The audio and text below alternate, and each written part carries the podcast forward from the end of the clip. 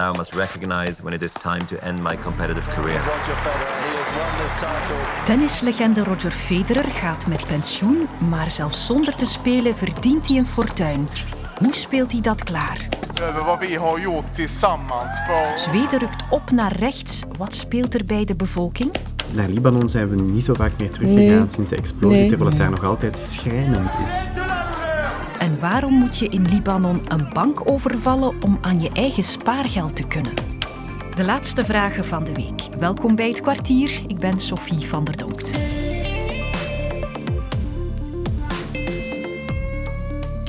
Today, I want to share some news with all of you. I am 41 years old. I've played more than 1,500 matches over 24 years.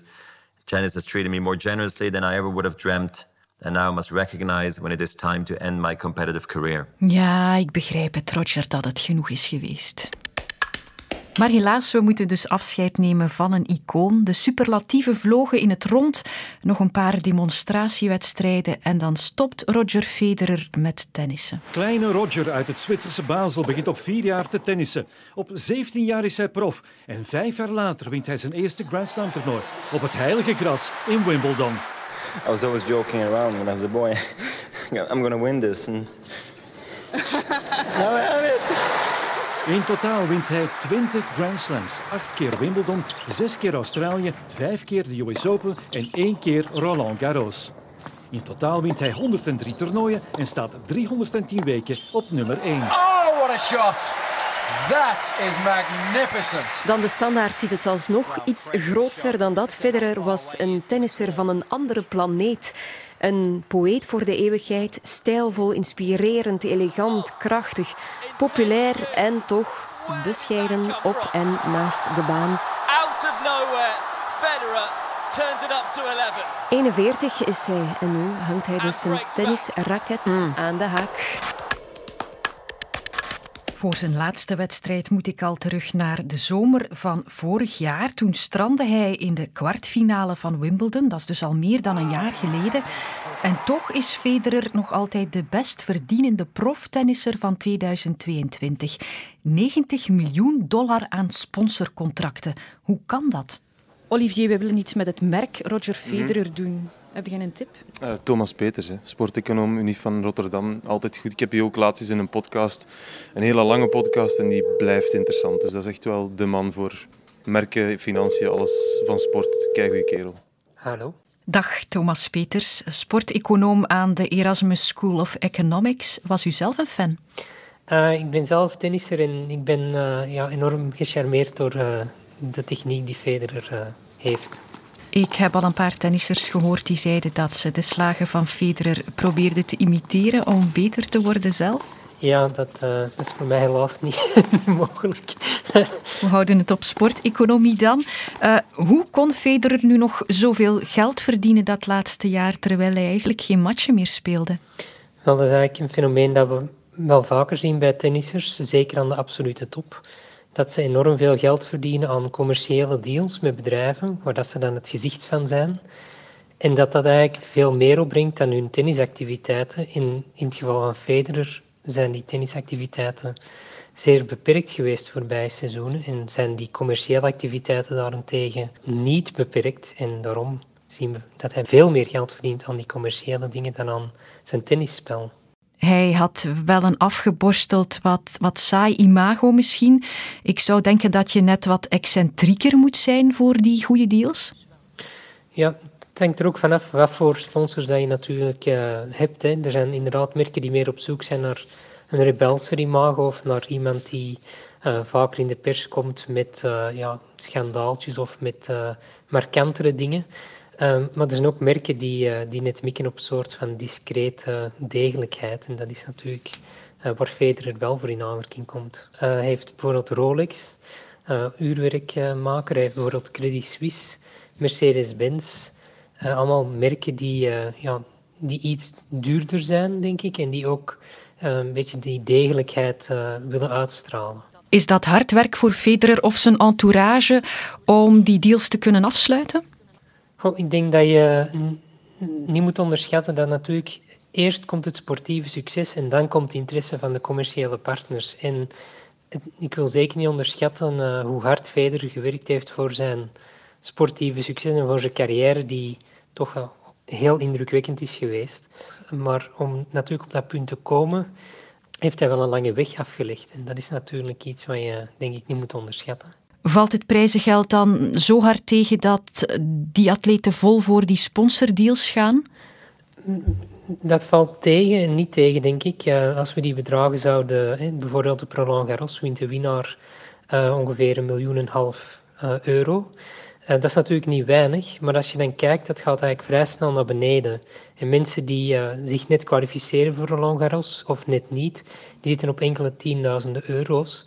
Dat klinkt als veel geld, maar tennissers hebben ook veel kosten. Ze moeten reizen, ze moeten hun coach betalen, ze moeten vaak hun kinesist betalen. En als je dat er dan allemaal gaat aftrekken, dan blijft er voor tennissers die zo rond plaats 200, 300 spelen eigenlijk niet zoveel over op het einde van de rit. En dan is een goede commerciële deal dus een must, al kan Federer nog wel een tijdje voor, denk ik. Finally, to the game of tennis. I love you and will never leave you.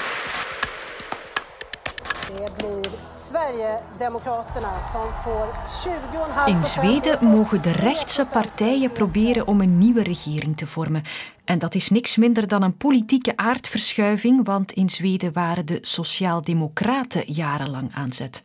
Leen de Ridder woont al vier jaar in Zweden, eerst in de stad in Stockholm en nu op het platteland. Veiligheid was het thema van de verkiezingen, vertelt ze.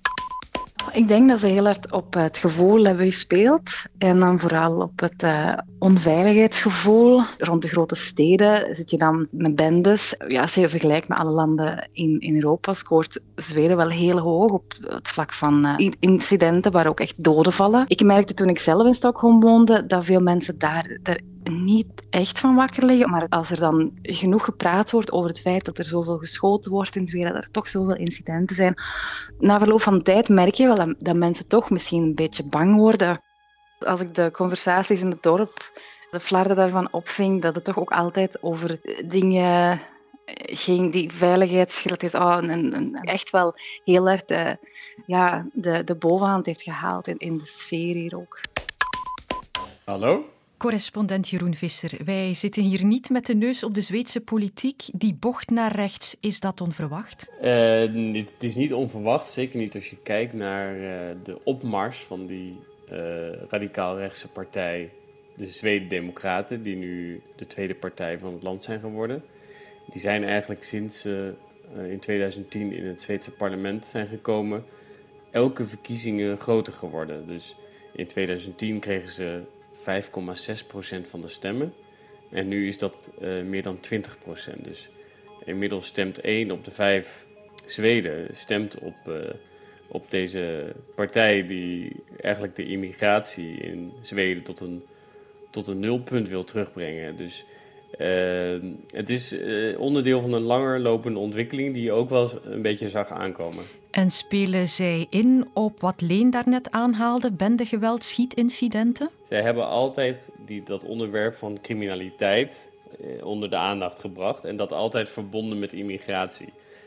Het gemiddelde ligt nu ongeveer op 45 uh, eh, dodelijke schietpartijen per jaar. En dat zijn alleen maar nog de dodelijke schietpartijen. Er zijn nog veel meer schietpartijen die natuurlijk die gaande zijn.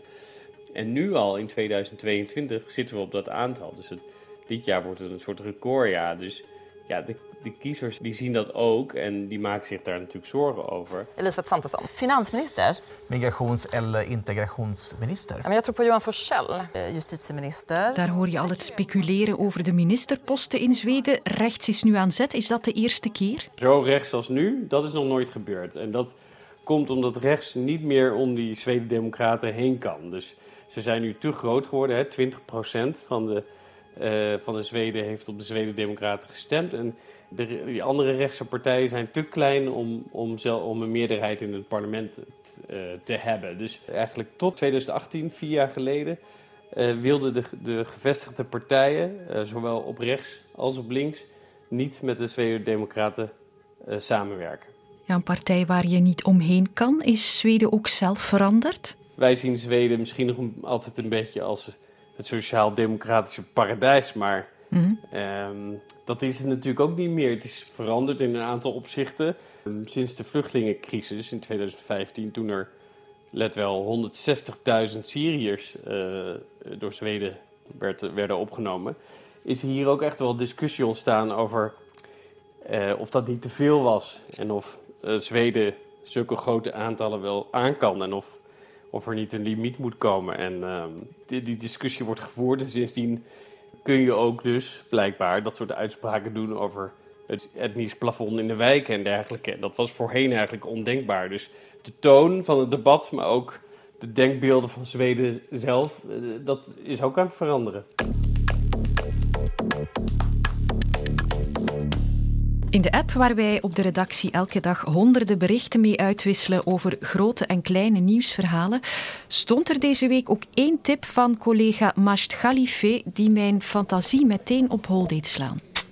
Opnieuw een ik wil mijn geldgijzeling in een bank in Libanon. Deze keer door een gewapende vrouw die 13.000 dollar nodig heeft voor de behandeling van haar zus. In gedachten zat ik dan al meteen bij. Everybody be cool, this is a robbery! Any of you fucking! And Execute every motherfucking last one of you! Een bekend fragment uit de film Pulp Fiction, waar ook een soort geïmproviseerde overval gepleegd werd, beraamd aan tafel in een restaurant en ter plaatse uitgevoerd. Alleen, dit is geen fictie. Dit gebeurt echt in Libanon, een buurland van Syrië en Israël in het Midden-Oosten. Maar heb jij dat filmpje nog van die overval? Ja, we hebben de filmpje onder meer op onze website gezet. Uh, we zien hier uh, Sally Havels een uh, bankkantoor binnenstormen. Ze heeft een pistool bij. Ja, um, en, je hoort ook, daar, ja, ja, en je hoort ook in de achtergrond al meteen iemand roepen van geef haar geld terug. Dan trek je meteen de conclusie dat ze niet alleen daar staat, maar ook steun krijgt van omstanders, van mensen die uh, haar zaak Ja. uh, ondersteunen. Dus overvalt daar een bank met de steun van nog een groep andere mensen. Ja, nu later blijkt dat die pistool uh, niet echt is hè, en dat ze het vooral um, gebruikt heeft om haar punt daar te maken om het geld ja, met geweld af, afhalen. Want waar gaat dit over? Het gaat uh, om niet de eerste keer, trouwens de tweede keer uh, in Libanon, dat iemand geld dringend nodig heeft, uh, cash nodig heeft, om in haar geval, in het geval van Sally, om de ziekenhuiskosten te kunnen betalen van haar zus die in het ziekenhuis ligt met kanker.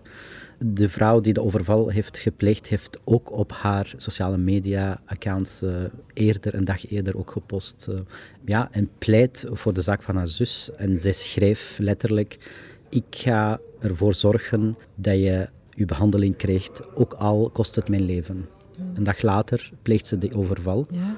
Met steun, zowel op terrein als online. En ook begrijpelijk. Maar normaal is er Haar- toch geen bankoverval nodig om aan je spaargeld te kunnen? Klopt. De zaak van Sally en ook de vorige overval eigenlijk ehm, vat de economische crisis in Libanon heel goed samen. Mensen geraken letterlijk niet meer aan hun eigen geld, laat staan het kunnen overleven en zo op zoek naar jobs en, en, en de, de levenskosten te kunnen betalen. Zelfs als je je geld, spaargeld nodig hebt, dat je daar niet aan geraakt, ja, dan eh, blokkeert alles eh, in het leven. Op dit moment, Libanon staat niet meer eh, op het punt om in te storten. Het land is al ingestort. Ben jij zelf nog in Libanon geweest recent? Ja, vorig jaar uh, nog in Libanon geweest, onder meer met minister Kitier. Um, en wat bij mij uh, overblijft is het beeld als je buiten de luchthaven rijdt uh, in Beirut. een donker beeld van Beirut. Geen enkele verlichting in de straat, in de gebouwen. Het tekort aan brandstof betekent meteen ook tekort aan stroom in het land. Um, mensen moeten vaak zorgen voor eigen stroom via generators of wat dan ook.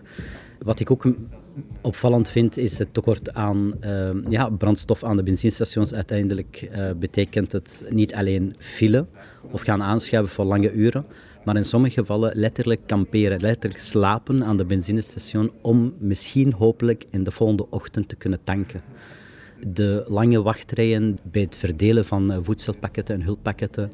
Ik kan alleen maar samenvatten dat het eigenlijk uh, een failliet land op dit moment is, met enorm, enorm donker beeld voor de toekomst. Een klein lichtpunt wel voor Sali. Zij is met haar 13.000 dollar spaargeld naar buiten gestapt en voorlopig is ze niet opgepakt. Het is weekend, wij nemen even pauze. Tot volgende week. Luister ook naar de podcast van de week, waarin Stijn van de Voorde zijn licht laat schijnen over het popnieuws samen met een bekende gast. Nu in de app van VRT Max.